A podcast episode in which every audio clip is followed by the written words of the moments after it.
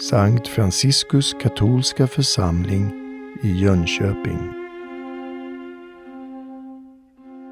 När jag skulle byta ut min dator för några år sedan så stod jag bredvid en kund som stod där och velade. Och eh, han sa, ja det är ju mycket pengar det här. Eh, det är dyra grejer och eh, försäljaren svarade med att ja, det beror sig på hur mycket du är villig att betala för det du vill ha. Det är just det som evangeliet handlar om idag. Båda läsningarna är från Jakobs brev och evangeliet handlar precis om detta. Hur mycket är vi villiga att kosta på frälsningen? Vad får det kosta att bli räddad till det eviga livet? Någon kanske säger, men det kostar väl ingenting? Det är väl gratis? Det är av nåd som man brukar säga i kyrkan. Ja, men det är ju inte så. Att det är gratis, ja. Att det är av nåd, men det kostar på. Det kostar inga pengar, det kostar inget annat, men däremot, det kostar på. Det fanns till och med en kyrkofader, han är kyrkofader, men som tog detta på blodigt allvar och det var någonting som han tyckte förledde honom och han högg av det. Jag ska inte säga vad det var. Men ni kanske alla förstår vad det var. Men så blev han heller inte helgonförklarad. För kyrkan menar på att man får inte tyda evangeliet på det viset, utan det ska tydas som kyrkan tyder det. Evangeliet, Bibeln tillhör kyrkan. Det är inte vars mans egendom på det viset att man tolkar hur man vill. Och därför blev han inte helgonförklarad. Men en sak är säker. Något måste vi ge efter. Något måste vi ge för att uppnå frälsningen. Detta står klart för oss. I Jakobs brev som vi har läst nu i tre söndagar, han är ganska tuff den här Jakob, aposteln Jakob. Och eh, ändå är det förvånande att så många vill åka till hans grav i Santiago de Compostela. Folk vallförde, till och med från vår församling har de gått till fots. Eh, om de hade träffat honom personligen vet jag inte om de hade gjort det, för det var en tuff kille. Han var mycket tuff och det hör vi i brevet. Han säger tuffa saker. För honom att följa Kristus, det är ingen semestertripp. Det är ingenting som man gör på fritiden. Det är ingenting som man kan ägna sig åt part-time. Utan det här är allvarliga saker för honom. Han har förstått, han har gått i Mästarens skola och tagit emot undervisningen och förstår, här gäller det att satsa allt eller inget. Och det är därför han säger till olika grupper, de som strider, de som eh, har olika åsikter och de som lever ett bekvämt liv och ändå tycker att de kan leva enligt evangeliet, att det här, det här går inte. Det, det, det passar sig inte alls. Och idag är det de som är rika har, har någonting med att göra. Naturligtvis är det inte rikedomen i sig, men att man ser sig ha rätt till att använda sina tillgångar, både de ekonomiska och de resurser man har som människa, hur som helst. Att inte dela med sig, att inte ha dessa tillgångar i det gemensammas bästa, för andras bästa. Och han säger det här, det här ska slå emot er på domens dag. För kom ihåg, alla ska vi avlägga räkenskap inför Herren. I Sverige så är vi ju ganska så frikostiga med helgonförklaringar, eller hur? Vi behöver inte påven för att helgonförklara.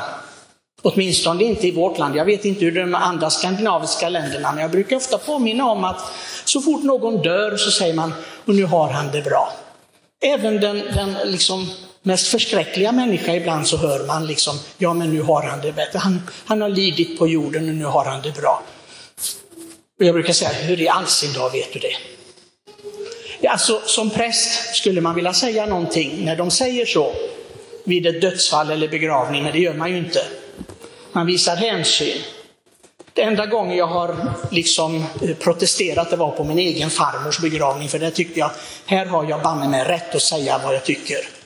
Och när de sa, men din farmor har det bra nu. Hur fasen vet du det? Hon kanske brinner i helvetet. Vad vet du om det? Det är ju därför vi ber för henne på begravningen, för vi vet inte vad som har hänt henne. Jag ser henne inte som ett helgon. Hur ska jag veta att hon är i himlen? Jag blev riktigt arg. Vi stod på parkeringsplatsen och de var nog lite chockade allihopa. Men jag blev arg. Jag sa, säg inte sådana dumheter. Hon behöver förbön. Hon står inför domaren. Han som ser allt och vet allt vad hon har gjort från det hon kom till i sin mammas liv till hon utandades den sista sucken. Han vet allt om henne. Hur kan du säga att ja, hon har det bra nu? Jag vet en hel del om min egen farmor som, som jag inte, jag vet, om jag hade stått vid porten hade jag nog inte släppt in henne. Även om hon var min farmor. Jag hoppas jag ber om Guds barmhärtighet för henne, men jag tycker inte om sådana uttalanden när folk liksom så lätt säger, ja men hon har det bra nu, han har det bra nu. Det, det, alltså det är kärlekslöst. Det är kärlekslöshet att bara så liksom bestämma det och tänka, nu lämnar vi dem i fred för nu har de bra. Vi kan gå med en blomma med ett ljus någon gång om året till graven och så. Det löser sig. Och de människor som du säger du har älskat på jorden, de lämnar du där åt vad då? Du bryr dig inte. Jag ser, vi ser bröder med glädje med dem som ber om mässan. Idag ber vi för en man som avlidit för flera år sedan, Stepan Peskina. Vi ber om, om Guds barmhärtighet genom det offer som Herren själv är på altaret. Och ofta så har vi för familjer, för levande och döda och så. Och det, det gläder oss att se, inte för, för att det inbringar ekonomi att folk ger en gåva, för den gåvan går till vår mission. Men, men, men det är glädjande att människor har fortfarande den, den kärleken att vissa har det. Andra ber aldrig om mässor. Jag tänker liksom, tänk om man aldrig bad för sina föräldrar till exempel som är döda. Vad fruktansvärt! Jag firar ju ofta för mina föräldrar. Det, det, det, tycker jag är min plikt som son till dem. För vad skulle jag vara för, för son annars? Och Jesus som är så dramatisk idag i evangeliet, han, han, han, ni vet ju, han talar mer om helvetet än han talar om himlen. Statistiken för vad Jesus uttalar sig om, han talar, varnar mer för helvetet än han talar om himlens härlighet. Vem är det som ljuger? Eftersom folk påstår att det är symboliskt talat det där med att gå förlorad. Alltså, någon måste ljuga. Antingen de teologer eller de andra som talar om att helvetet finns inte, det är en symbolisk sak bara för att varna, liksom när alla kommer till himlen. Eller också är det Jesus som ljuger. Jag satsar på Jesus, att han talar sanning. Det är därför jag är här. Annars skulle jag inte stå här. För trodde jag att han var en lögnhals så skulle jag aldrig viga mitt liv åt det här. Jag tror på att han har det eviga livets ord. Han säger exakt så som det är. Och då är frågan som ställs till mig, Pater Josef Maria, vad är du villig att satsa för att uppnå det som Gud lovar dem som älskar honom? Vad är du villig att satsa? Vad är det som du ser i ditt liv som det här kommer att hindra dig? Är du, är du villig att ta bort det? Är du villig att hugga bort det? Inte fötter och händer och riva ut öga och sånt, men det som det symboliserar. Är du villig att när du ser att du, att du inte vill förlåta andra, att du, att du tar bort detta, att du ändrar dig på den punkten? Är du villig att ta bort din girighet?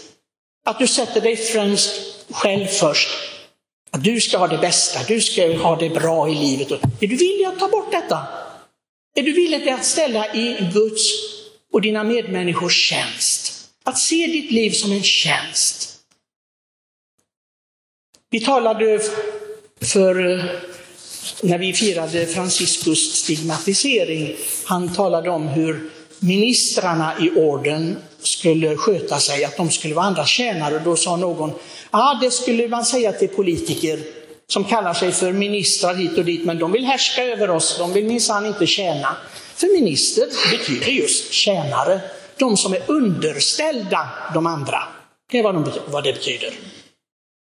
Och Franciscus sa de som ska leda oss bröder, de är underställda bröderna i brödernas tjänst. Det är de som är valda till att tjäna oss. Ser vi vårt liv så att vi vill tjäna varandra genom kärlek och uppbyggelse? Eller handlar det bara som jag ofta säger, att roffa åt sig i livet? På alla plan. Upplevelser, tillfredsställelser, ja, plats. Att vara älskad, att vara uppskattad. Är, är det det det går ut på?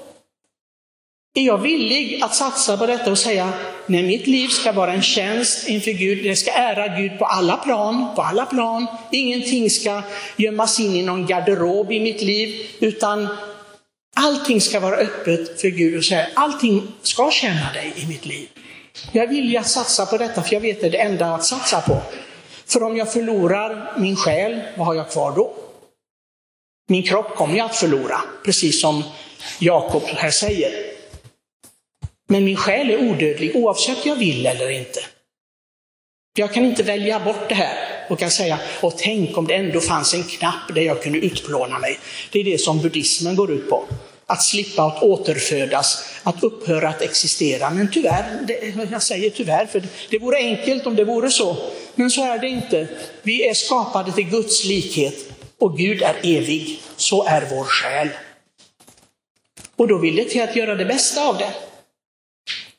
Men det är också fantastiskt att veta att var och en av oss är så älskad av Gud att han vill inte förinta oss på något sätt.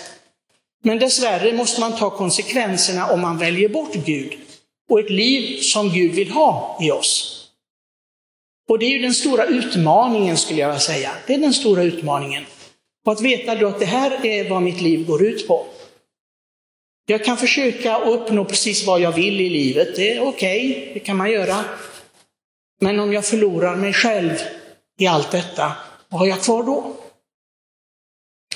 Så låt oss, så att säga som kyrkan säger i början av varje mässa, låt oss besinna oss. Låt oss besinna oss, det betyder tänka efter. Så att det blir rätt i mitt liv. Att jag lever som en älskad av Gud och ger kärlek tillbaka. Kärlek till Gud genom att hålla hans bud. Kärleken till min nästa genom att hela tiden leva i försoning och medlidande etc.